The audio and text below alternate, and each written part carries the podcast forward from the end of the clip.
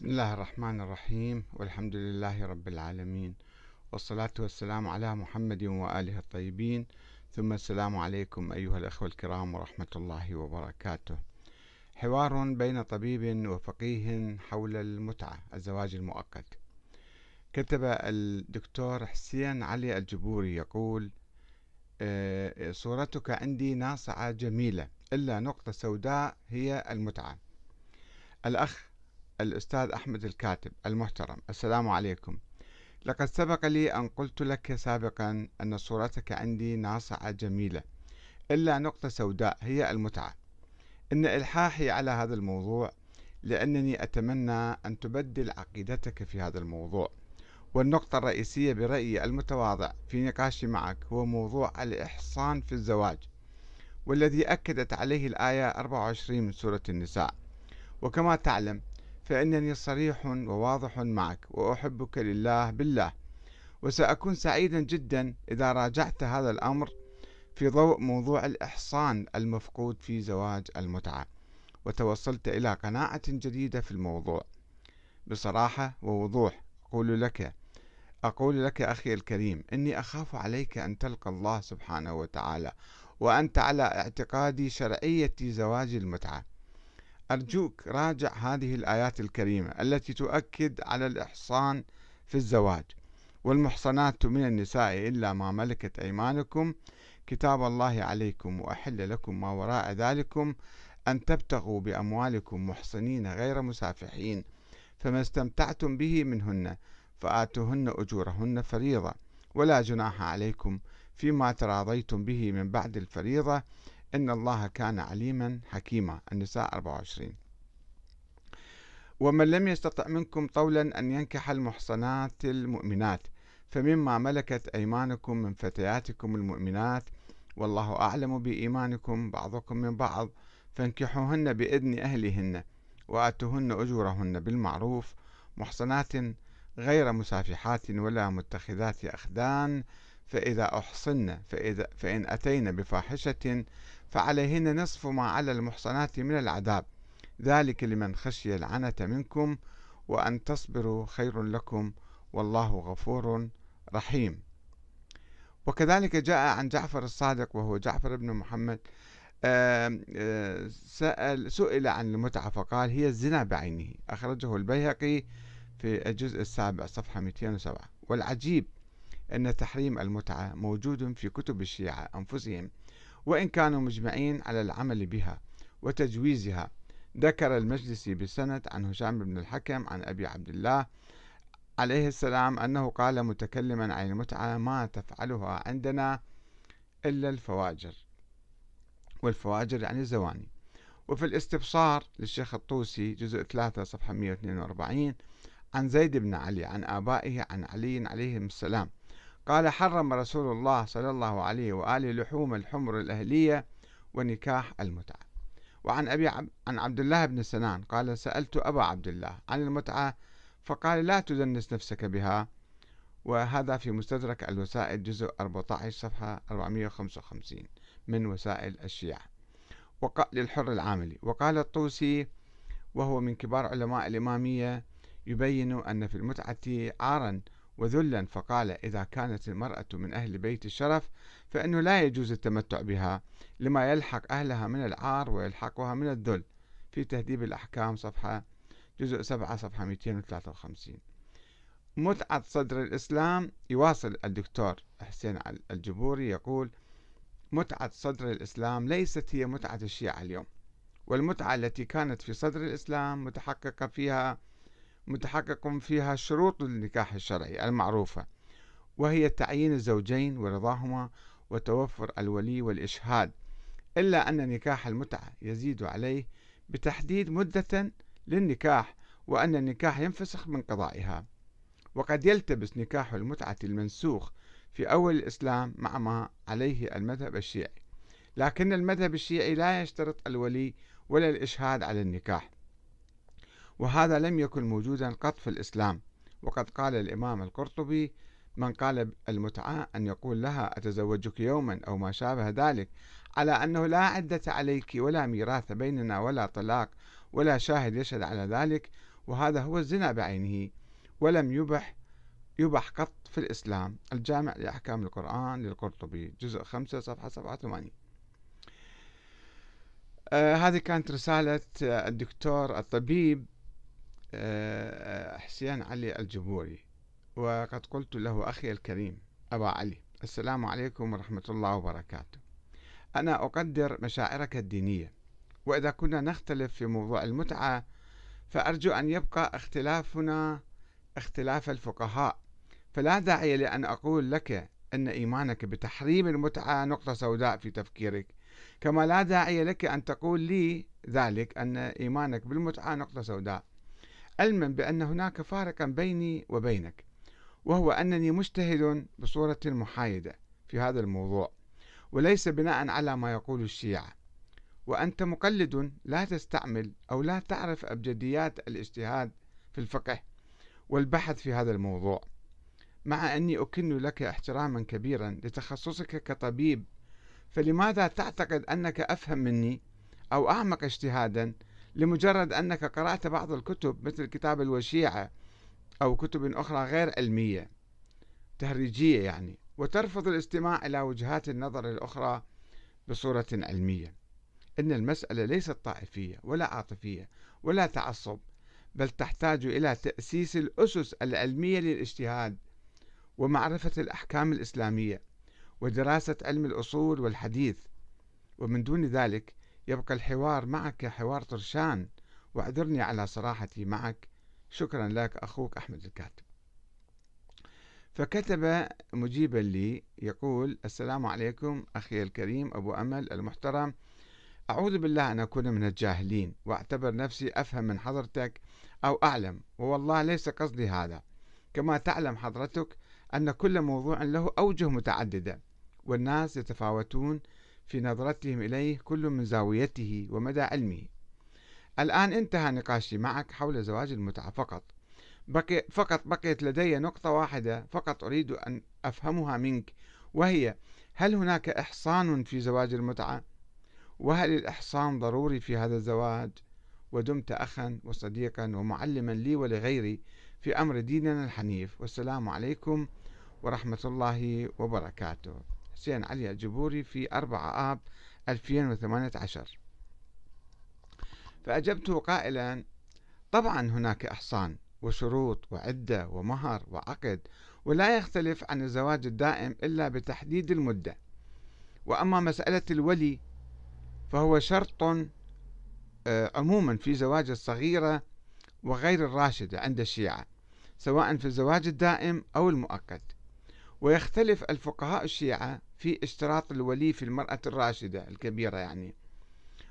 ويتفقون في عدم اشتراطه في المرأة الثيب يعني غير الباكر المتزوجة سابقا سواء في الزواج الدائم أو المؤقت. وأما مسألة العدة فهي أيضا واجبة ولكنها في الزواج المؤقت حيضتان مثل عدة الأمة وليس ثلاثة أشهر. تبقى مسألة الإشهاد وإعلان الزواج. وهو مستحب عند الشيعة في الدائم والمؤقت وهو خيار للرجل والمرأة حيث لا يشترط فيه لا يشترط فيه السرية والكتمان. ممكن يكون علني يعني. ويمكن تسجيل الزواج في الدوائر الرسمية حفاظا على حقوق المرأة والرجل ولا سيما إذا حصل بينهما حمل وولادة. وفي الحقيقة لقد بحثت موضوع الزواج المؤقت قبل حوالي ربع قرن. في ورقة أعددتها لمؤتمر الجمعية الاجتماعية الإسلامية الأوروبية. عقد ذلك المؤتمر في لندن في ذلك الوقت وبحثت الموضوع على ضوء التراث الإسلامي المشترك وليس على فقه الشيعة فقط أي على ضوء القرآن الكريم والسنة النبوية. ونشرت الموضوع في كتابي السنة والشيعة وحدة الدين خلاف السياسة والتاريخ. آه هذا البحث منشور هناك. وتحققت أولا حسب المصادر الإسلامية المختلفة من آية فما استمتعتم به منهن فآتوهن أجورهن فريضة هذه الآية نازلة بالزواج الدائم أم بالزواج المؤقت؟ آه وأنها تحققت أنها نازلة في موضوع المتعة. والمصادر كلها موجودة في هذا البحث وسوف أضع هذا البحث في أسفل آه هذا الفيديو آه رابط لهذا الموضوع.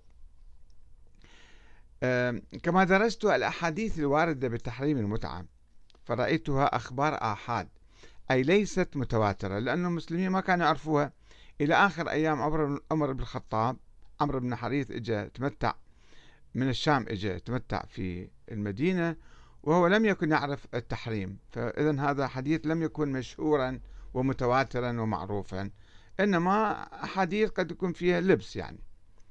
إذا فهو خبر آحاد وليست وليس خبر متواتر. وهذه الأحاديث حتى إذا كانت متواترة لا تستطيع نسخ القرآن.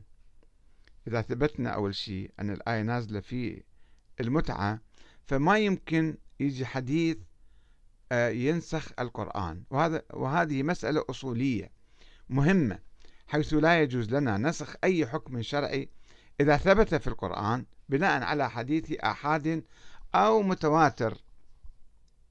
يعني والحديث لا يمكن أن يكون متواترا إذا خالف القرآن الكريم لأنه يسقط عن العلم واليقين فيصير ظن ويدخل في خانة الشك والظن والمتواتر هو الذي لا شك فيه فإذا هذا لا يوجد حديث متواتر يخالف القرآن. وإذا كان هناك حديث لا يمكن أن ننسخ القرآن بالحديث. هذه مسألة مهمة جدا. وأما الحديث الذي نقلته عن أبي بكر البيهقي الذي توفي سنة 458 يعني في منتصف القرن الخامس عن جعفر الصادق بأن المتعة هي الزنا بعينه. فهو مصدر هذا البيهقي كان في نيسابور أصلا هو. مصدر غير محايد ومتأخر ب 300 سنة عن الصادق. ولا نعرف سند حديثه وهو يخالف الأحاديث المروية والمشهورة عن الصادق الذي كان يحلل فيها المتعة. فإذا هذا حديث مشكوك فيه.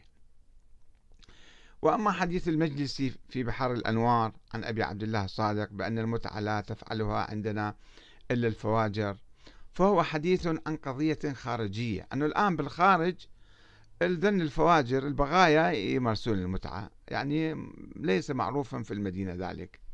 وحذر فيه الإمام الصادق بعض أصحابه الذي كان ينوي مثلا التمتع. ولا يتحدث عن حكم شرعي عن حكم الحكم الشرعي المتعة حلال أم حرام بل هو يقول باستحبابها الصادق. وكذلك حديث عبد الله بن سنان عن الصادق أنه قال لا لا تدنس نفسك بها. هذا شيء شخصي صار. شخصي خارجي وليس حديثا عن الحكم الشرعي. وأما كلام الطوسي الذي يقول إذا كانت المرأة من أهل بيت الشرف فإنه لا يجوز التمتع بها لما يلحق أهلها من العار ويلحقها من الذل. فهو صحيح ولكنه حديث عن وضع اجتماعي خارجي وحالات معينة. والمجتمع يرفض أحيانا حتى الزواج الدائم بدون إذن الولي ويعتبر هذا عار. فهل يحرم هذا الزواج الدائم لأنه مرفوض من بعض الناس؟ وقد استغربت من قولك أيها الطبيب المحترم بأن متعة صدر الإسلام ليست هي متعة الشيعة اليوم والمتعة التي كانت في صدر الإسلام متحققة متحققة فيها شروط النكاح الشرعي المعروفة وهي تعيين الزوجين ورضاهما وتوفر الولي والإشهاد إلا أن نكاح المتعة يزيد عليه بتحديد مدة للنكاح وأن النكاح ينفسخ بانقضائها.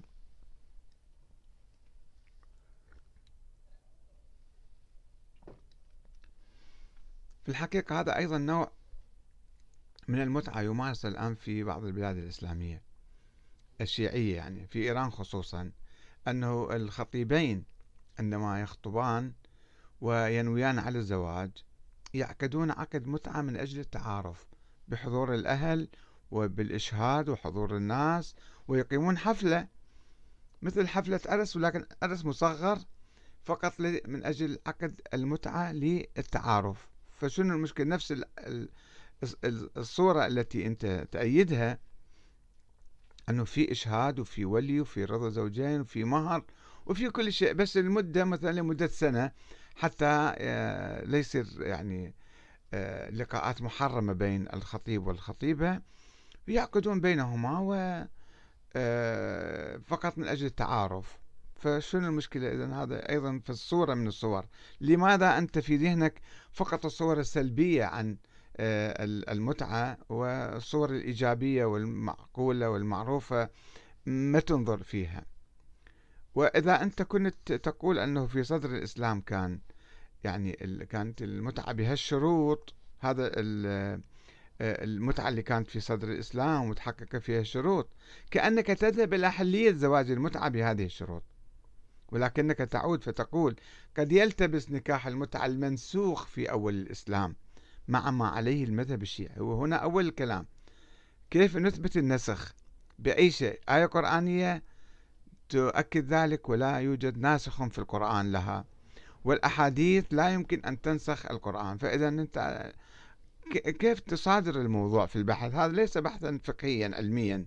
يعني أنت تصادر الأمور وأنه هذا النكاح المتعة منسوخ في أول الإسلام. هو منسوخ أو ما منسوخ صحيح أو مو صحيح.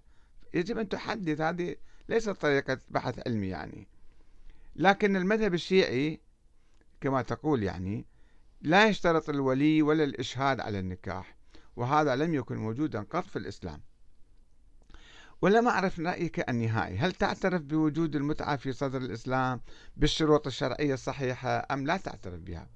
دعك عن الممارسة الخاطئة التي قد تحصل بين الناس وافتقاد بعض الشروط فإن الأخطاء تحدث حتى في الزواج الدائم وقد ما يكون في شهود قد يكون مثلا في بعض الخلل. وأما الشروط فهي محل بحث وجدل ونقاش. ولا يوجد اتفاق عليها حتى بين علماء السنة أيضا بعضهم يخففون من هذه الشروط.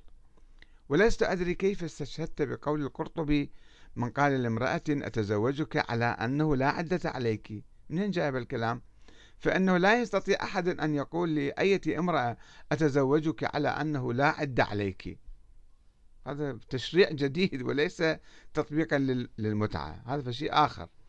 سواء في الزواج المؤقت أو الدائم. ما حد ما يستطيع أن يقول واحد لأي امرأة أنه أتزوجك على أنه لا عد عليك.